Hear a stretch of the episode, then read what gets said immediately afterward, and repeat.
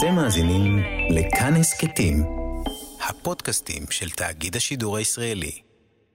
היי, אתם על חיות כיס, אני צליל אברהם. צומת הרחובות לוינסקי, נווה שאנן וצמח דוד בתל אביב הוא אחת הפינות הצפופות, הסואנות והמחניקות בישראל. בכביש בין ארבעת הנתיבים עוברים כל דקה עשרות אוטובוסים מכל רחבי גוש דן, שנכנסים ויוצאים מהתחנה המרכזית החדשה. על מעברי החצייה הקטנים מצטופפים בכל שעה ביום חיילים עם תיקים גדולים, תיירים עם מזוודות בדרכם לתחנת הרכבת, מהגרי עבודה מסין ומהפיליפינים, מבקשי מקלט אפריקאים, קבצנים, חסרי בית, בני נוער ונשים בזנות. מהפיצוציות שמחוץ לתחנה המרכזית נשמעת מוזיקה. במדרחוב שבצד השני של הכביש מוכרים טלפונים סלולריים זולים ואוכל אסיאתי. ברים קטנים עם כיסאות פלסטיק מציגים משחקי כדורגל ומוכרים בירה ועוף מטוגן. מוניות שירות מצפצפות לנוסעים שיתייחסו להן לפני שהן יוצאות. אופניים חשמליים חותכים מכל כיוון. מול הכניסה לתחנה משתרך תור ארוך לבדיקה ביטחונית. רעש חזק כל כך, שכשעוברים שם אין טעם אפילו להגביר את הווליום באוזניות. אבל עכשיו לא. האם לא ראיתי את הפינה הזאת כל כך ריקה? כן, שומם. תכף ניכנס פנימה, נראה מה קורה. ביום שלישי שעבר, יום לפני ליל הסדר, היו בתחנה המרכזית החדשה רק כמה חיילים שכנראה שוחררו הביתה. גם במדרחוב נווה שאנן היה ריק. העובדים הזרים נעלמו. באזור התחנה המרכזית הישנה אפשר היה לראות פה ושם מכורים לסמים מזריקים, חסרי בית ונשים בזנות.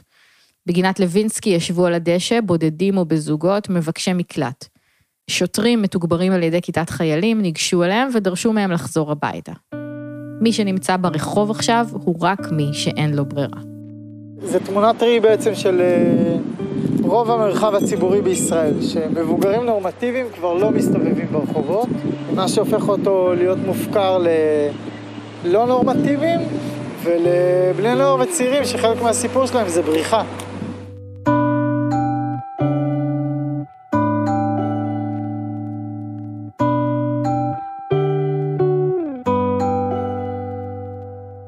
זה רועי חומרי. אני מנהל של תחום עבודת רחוב בעמותת עלם, אני גם בן זוג של שחר ואבא לדניאל ואימרי. עלם היא עמותה למען נוער בסיכון, ורועי מנהל תחום עבודת רחוב, שנעשית ברחוב. אבל הרחוב ריק. רועי עובד עכשיו מהבית. אנחנו משתדלים מאוד לשמור על קשר במגוון כאילו של ערוצים שגם שיחות טלפון, גם וואטסאפים, אפליקציות זום, האוס פארטי, וגם באינסטגרם, כאילו שזה לעקוב אחריהם, אבל גם לתקשר, לשלוח הודעות, מה נשמע, איך אתה מרגיש, איך את מרגישה, מה קורה. התשובה למה קורה היא רע. רע מאוד. ומדברים המון המון המון על, ה... על הבדידות, על החרדה. אה, יש אימה מסוימת באוויר, ויש את אלה שמתחילים לחוות אה, אלימות בתדירות יותר גבוהה. שמתמודדים עם uh, המון אגרסיות בבית, ש... ופה גם יוצא אפילו לעובדים שלנו לראות, uh, לפעמים אפילו בתוך שיחת זום, uh, שעובד או עובדת נחשפים כאילו לאלימות שמופנית כלפי הנער או הנערה בלייב. שהיא מדברת עם נער, ותוך כדי השיחה שלה עם הנער, נכנס ההורה שלו לחדר, ומתחיל פשוט לקלל את הילד. הוא מקלל אותו, ומקלל אותו, ומקלל אותו. עכשיו, זה ילד עם היסטוריה של אה, ניסיון אובדני, וזה משהו שמבחינת החוק מחויב דיווח, כן? המורגלות שלנו היא שאם את עכשיו מספרת לי משהו שדורש דיווח, אז אני אלווה אותך ברמה הפיזית, אני אהיה איתך. ופה פתאום הכל הוא בשלט רחוק. כשהתקשרתי לרועי בפעם הראשונה לפני שבוע לשאול מה שלום הנערים שלו, הוא אמר קשה, והבהיר, לא קשה במובן של כל קושי הוא אתגר, קשה מאוד. אנחנו רואים אותם באינסטגרם, אה, מעלים תמונות של אה, הרבה יותר אלכוהול ושתייה והתמסטלות, שזה אותה בריחה פנימה, ויש עוד פעם את כל אלה שבורחים החוצה. כאילו, אחד הנערים אמר, אה, בוא תפגוש אותי, אני ברחתי מהבית, אני נמצא באיזה דירה, אני לבד. זה סקווט, כן? זו דירה מפולשת, ואז הוא הגיע, היו שם עוד שלושה חבר'ה אחרים, והם שם פשוט רוב היום. את המסכות העובד הביא, כן, לנערים שיהיה להם, וזה חלק מאיזושהי הפחתת נזק שאנחנו מנסים לעשות, הביא להם מסכות, אלכוג'ל, ניסיון להבין למה הם לא בבית, כאילו מה קרה, למה הם ברחו. אה, ביום שבו אנחנו נפגשים לסיור חם למדי. אחרי כמה דקות המסכות על הפנים מרגישות כמו חיתול מהביל. הפה מתייבש והידיים מזיעות בכפפות. אבל רועי היה מעדיף לעשות את עבודת הרחוב ברחוב, ולא מהבית. גם העובדים שלו, שחלקם הוצאו לחל"ת ואחרים התבקשו לעבוד מרחוק ב-40% משרה, היו מעדיפים לעבוד ברחוב. הוא מסתובב ברחובות הקטנים של אזור התחנה הישנה כאילו זה הסנטר. מזהה מיד כל התרחשות שלי נראית מסתורית, מאתר מרחוק מכורים, חסרי בית, נשים בזנות וקליינטים. בתחנה המרכזית החדשה הוא עובר בין קומה לקומה בלי להתבלבל, מכיר כל פינה נסתרת, פותח עם הרגל את תאי השירותים לוודא שאין שם מישהו שזקוק לעזרה. את העבודה שלו עושים מהשטח. אבל אי אפשר עכשיו. הפרויקטים שהוא מנהל, כמו עוד הרבה פרויקטים אחרים, נסגרו או צומצמו למינימום. זה לקחת את האוכלוסייה שמראש מופתע כהכי חלשה, ולצמצם לה את המשאבים בשעה שהיא הכי צריכה. מה שראית מקודם זה לקוח שעוצר לקליינטית באמצע היום. כאילו, הזנות לא עוצרת. אה, וזה מביא. הייתה שם אישה שהסתכלה לגבר מבוגר לא, בתוך העין. היא לא הסתכלה לו בתוך העין, היא נגזה לו פצעים בפנים. שחלק מהסמים יוצרים אה, מורסות כאילו מאוד גדולות, והיא כנראה עזרה לו לנקות את המורסות. אז, אז בני נוער, כשסוגרים תוכנית לטיפול משפחתי, גם הנערים ש... והילדים ששייכים למשפחה הזאת נפגעים. הדבר הכי נוכח בסיור שלנו במתחמי התחנה הישנה והחדשה הוא ההיעדר. לא רק העובדים הסוציאליים והמדריכים נעלמו מהרחובות, גם הנוער עצמו. איפה הוא? בשביל זה צריך להסביר קצת למה מתכוונים כשמדברים על נוער בסיכון. מבחינת משרד הרווחה, נוער בסיכון מתחלק לשתי קבוצות. קבוצה אחת נמצאת, כמו שהם מכנים את זה, בקצה הרצף. נוער שהוצא מהבית בצו בית משפט. מרכזי חירום, פנימיות שיקומיות, משפחות אומנה, בתי מחסה, הוסטלים. המקומות האלה עובדים כרגיל. הילדים שנמצאים בהם לא יכולים לחזור הביתה. אבל יש עוד סוג של נוער שעליו נדבר בפרק הזה, כזה שיש לו בית, אבל הוא לא מה שאנחנו היינו קוראים לו בית. המילה חסר בית, מסבירים בעלם, היא לא אחד ואפס. זה לא שיש שני סוגים של אנשים, כאלה שיש להם בית חם ובטוח וכאלה שגרים ברחוב. זה רצף. בקצה שלו נמצא מישהו ממש חסר קורת גג, הומלס או דר רחוב. אין הרבה בני נוער כאלה בישראל. אבל נערה שעברה עם אימא שלה למעון לנשים מוכות, ואין להן בית לחזור אליו, נמצאת על רצף חסרות הבית. גם נער בן 18 שעומד לסיים פנימייה או להשתחרר מכלא לנוער ואין לו לאן לחזור, הוא סוג של חסר בית. גם ילד שההורים שלו זרקו אותו מהבית והוא לא גר ברחוב, אלא עובר בין דירות של חברים ובני משפחה. גם מי שחי תחת איום של אלימות כלפיו, או כלפי אימא שלו, או כלפי האחים שלו, או מי שמאוים תמידית בפינוי מהבית כי הוא בחובות, או שמתגורר במבנה שלא ראוי למגורים, או שחי בצפיפות קיצונית. כל אלה נמצאים על הרצף של חסרות הבית. בני נוער כאלה לא בהכרח מוצאים מהבית בצו בית משפט. לפעמים הם בוחרים ללכת לפנימייה בעקבות המלצה של הרשויות והבנה שהם יהיו יותר מוגנים שם. במקרים אחרים הם מתקיימים הודות לכמה ארגונים שונים, שכל אחד מהם לוקח על עצמו לסייע להם בדבר מסוים בחיים שלהם. מערכת הרווחה היא לא כמו מערכת החינוך או מערכת הבריאות, היא מערכת מבוזרת ומופרטת, שמורכבת ממאות ארגוני חברה אזרחית, עמותות ולפעמים גם חברות למטרות רווח. הארגונים האלה מתוקצבים על ידי משרד הרווחה ולפעמים גם על ידי הרשויות המקומיות, ובנוסף מגייסים תרומות. נער בסיכון יכול לעבור בשבוע בין שתיים או שלוש מסגרות כאלה או יותר, כך שבסופו של דבר הוא מבלה בבית מעט מאוד זמן, ומקבל הרבה תמיכה מבחוץ. קודם כל, אם יש בית ספר, אז איזה מערכת שמגינה עליהם כמה שעות. אם להורה שלהם יש עבודה, אז זה גם מגן עליהם לכמה שעות. אחרי בית הספר, ילדים כאלה יכולים למשל להיות במועדונית, או במרכז שנקרא מרכז חכם, ולחזור הביתה רק בערב, אחרי שהם אכלו והתקלחו והכינו שיעורי בית במועדונית, וכשההורה היותר תפקודי שלהם כבר נמצא בבית. במקרה של אלם, הם יכולים למשל להיות אחר הצהריים בהפוך על הפוך, מקום שנראה כמו מועדון נוער רגיל, אבל הוא מאפשר לבני נוער עם קשיים בכל מיני תחומים, הפרעות אכילה למשל, או קשיים בגיבוש הזהות המינית שלהם, להגיע יום אחרי יום למקום שבו יקשיבו להם וידברו איתם, מה שלא בהכרח מתאפשר בבית. נערות במעגל הזנות מגיעות למרכזי הלב של אלם אחרי הצהריים ובערב לנוח ולהתאושש. בלילה המדריכים והמתנדבים של עלם יוצאים לפגוש את הנערים והנערות שיוצאים לשבת בחבורות ברחוב כדי פשוט לא להיות בבית.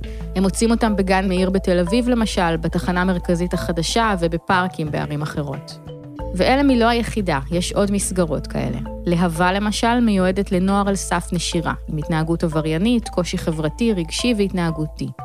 מרכזי עדי מספקים לנערות חרדיות בסיכון מקום לשהות בו בשעות היום. צל"ש מכינה נוער בסיכון לגיוס לצה"ל. זו מין רשת רופפת, עשוית טלאים-טלאים, שמנסה להעביר את בני הנוער האלה לשלב הבא בחיים שלהם, לאפשר להם להיות מבוגרים מתפקדים שחיים חיים מלאים, בלי להוציא אותם מהבית. וכמעט כל המערכת הזאת ביום אחד נסגרה. בהתחלה אמרו, חבר'ה, סוגרים את הכל. בוקר אחד בהיר, לפני ארבעה שבועות, משרד הרווחה עבר לעבוד במתכונת של 30 אחוז. המסגרות החוץ-ביתיות, אלה שהן לנוער בקצה הרצף, נשארו פתוחות, אבל השאר נסגר או צומצם מאוד. מועדוניות למשל חילקו את הילדים לקבוצות וקיבלו אותם לסירוגין, יום כן, יום לא. מסגרות אחרות נסגרו, וכל בני הנוער האלה התבקשו, כמו כולנו, לחזור הביתה. להיות 24 שעות, שבעה ימים בשבוע, בבית שהם לא באמת יכולים להיות בו, לא מהבוקר עד הערב. ובסיטואציה שבה הבית נעשה עוד יותר מסוכן מכפי שהוא היה קודם. יש אה, תופעה שהיא ידועה, מוכרת, נידונה, נחקרה, נבדקה, ו- וזה כבר אה, אקסיומה.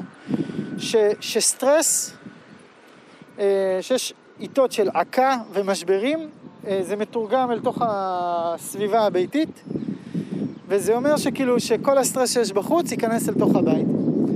אם יש הורה אלים, שהדרך שלו להתמודד עם המצוקה שלו ועם ההעקה שלו זה באלימות, אז עכשיו סביר להניח שהוא יהיה יותר אלים, אוקיי?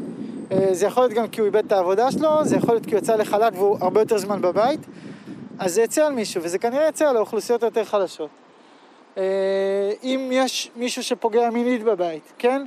יש לו אה, עכשיו יותר הזדמנויות ויותר מגע ויותר זמן ביחד אה, לפגוע ולקיים את הפגיעה. גם לילדים יש פחות מקומות ללכת ולברוח. וכן, נכון, יש מגפה בחוץ, ואם הילדים האלה היו נשארים ברחובות, הם היו בסכנת הדבקה. אבל אתם יודעים מה? הם לא נשארו בבית. אלה לא בתים שאפשר להישאר בהם. רועי סיפר שהיו בני נוער שהגיעו לפנימיות הסגורות שלהם וביקשו להיכנס. הנוער שלנו, לאט לאט אנחנו רואים אותו יותר ויותר, וזה הדיווחים שעולים אלינו, אה, מתארגן על סקווטים, שזה מרחבים שאפשר לפלוש אליהם בגדול, בדרך כלל זה דירות נטושות, כן? אה, או בניינים נטושים, אבל עכשיו גם בית ספר או גן ילדים יכול להיות מבנה נטוש. ושם הם uh, מעבירים את הזמן שלהם, את, ה... את, ה... את השעות ערות המון פעמים. בשבועיים שבאו לאחר הסגר, אנשי משרד הרווחה ניסו לשכנע את אנשי אגף תקציבים במשרד האוצר שהמסגרות האלה הכרחיות, שהנוער הזה לא יכול להיות בבית, שכמה שעות במועדון או נוכחות של מדריך הם לא פריבילגיה. וחלק מהם באמת נפתחו בעצימות של 40 אחוז או 70 אחוז ובדרישה לעבוד מרחוק. שזה נשמע כמו פתרון, אבל זה לא. אמרו, טוב, זה יופעל מרחוק, אבל לא לכל הנערים יש יכולת לקחת חלק בפעילות הזאת מרחוק. אה, לפעמים יש חסמים טכנולוגיים שאין בבית את כל התשתית שתומכת. יכול להיות שאין פלאפון חכם לילדים, כי למשל בחברה החרדית אה, אסור להחזיק טלפון חכם, ואם תחזיקי טלפון חכם אז יעיפו אותך מהבית. אה, יכול להיות שאין לך פרטיות בחדר, שאת נמצאת איתו עם עוד כמה אנשים בשביל לדבר על הרגשות שלך עם העו"ס שלך. ועוד כל מיני הנחות מוצא שכאילו הן רלוונטיות ל, לילד הסטנדרטי שנמצא בשכונה סטנדרטית, בעיר סטנדרטית. הם לא רלוונטיות, ברגע שמשהו במרכיבים האלה לא קיים, אז זה כבר לא תופס ההנחה הזאת. את חייבת לצאת מהבית. ואז מה? אסור לך לצאת מהבית. אז איפה תצרכי את התמיכה? אז את לא תצרכי אותה.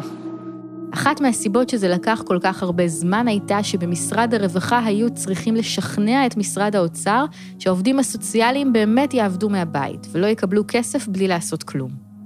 ויש עוד עניין.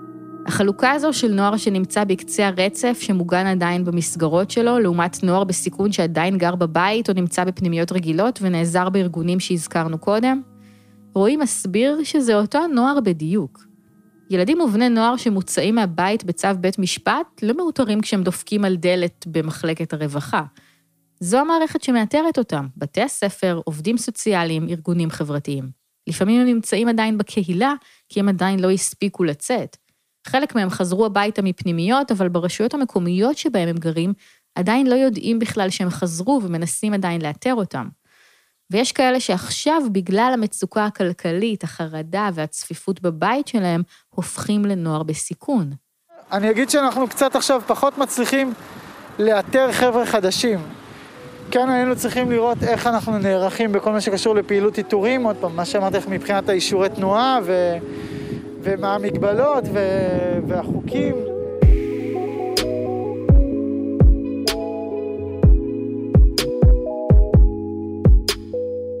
יש גם חדשות מעודדות. אחרי פסח העובדים הסוציאליים יוגדרו כחיוניים ויחזרו לעבוד במשרה מלאה. גם זה קרה אחרי מאבק. במשרד הרווחה צופים שאחרי תום הסגר יהיה צורך לתגבר את המסגרות כדי לסייע לבני הנוער להתמודד עם טראומות נוספות שהם עוברים ממש עכשיו. אבל כיוון שאנחנו כבר שנה ללא ממשלה וללא תקציב ל-2020, התקציב של הארגונים ושל המשרד עצמו הוא עדיין תקציב המשכי של 1 חלקי 12 מהשנה שעברה. כלומר, תקציב שהוא מלכתחילה נמוך מדי ולא מותאם לצרכים של האוכלוסייה עוד טרום המשבר. אם המסגרות האלה לא ייפתחו באופן מלא ויתוגברו בקרוב, כשנתחיל לאסוף את השברים, נצטרך להתמודד גם עם זה. ילדים שסובלים מהתעללות, מאלימות מינית, מהזנחה ומעוני. אלה האנשים שהשארנו מאחור בקרב נגד הקורונה. האמירה שהבית הוא המקום הבטוח בשבילך, וזה המסר כל הזמן, משרד הבריאות, הבית הוא המקום הבטוח, הבית הוא המקום הבטוח, היא מתעלמת ממציאות חיים של מאות אלפי אנשים בישראל, מאות אלפי אנשים, ובטח ובטח בני נוער וצעירים וילדים, שבשבילם הבית, לא תמיד יש להם בית, וגם אם יש בית, הוא לא סביבה בטוחה. הוא המקור שבו אפילו התחילו חלק מאוד משמעותי מהצרות ומהקשיים ומהפגיעות בהם. אז היכולת שלהם עכשיו לקחת שליטה על החיים שלהם ולהתמקם ו- ולהתמודד, היא ברור לכולנו שהיא הרבה יותר נמוכה. עוד יותר ממה שהייתה קודם, שכל מערכי הסיוע שהיו להם הושבתו, דווקא בשעה שהם הכי צריכים אותם. זה פשוט כואב. זה, זה כואב גם לנו כאנשים ש, שזה הייעוד שלנו, זה השליחות שלנו, לבוא ולהיות איתם ו, וביחד איתם לבנות. את יודעת, זה יותר עמוק מלעזור להם. כאילו זה לממש את האחריות שלנו כחברה, ואז מגיע השלב הזה שהידיים שלנו קשורות. ממשרד האוצר לא התקבלה תגובה עד הקלטת הפרק.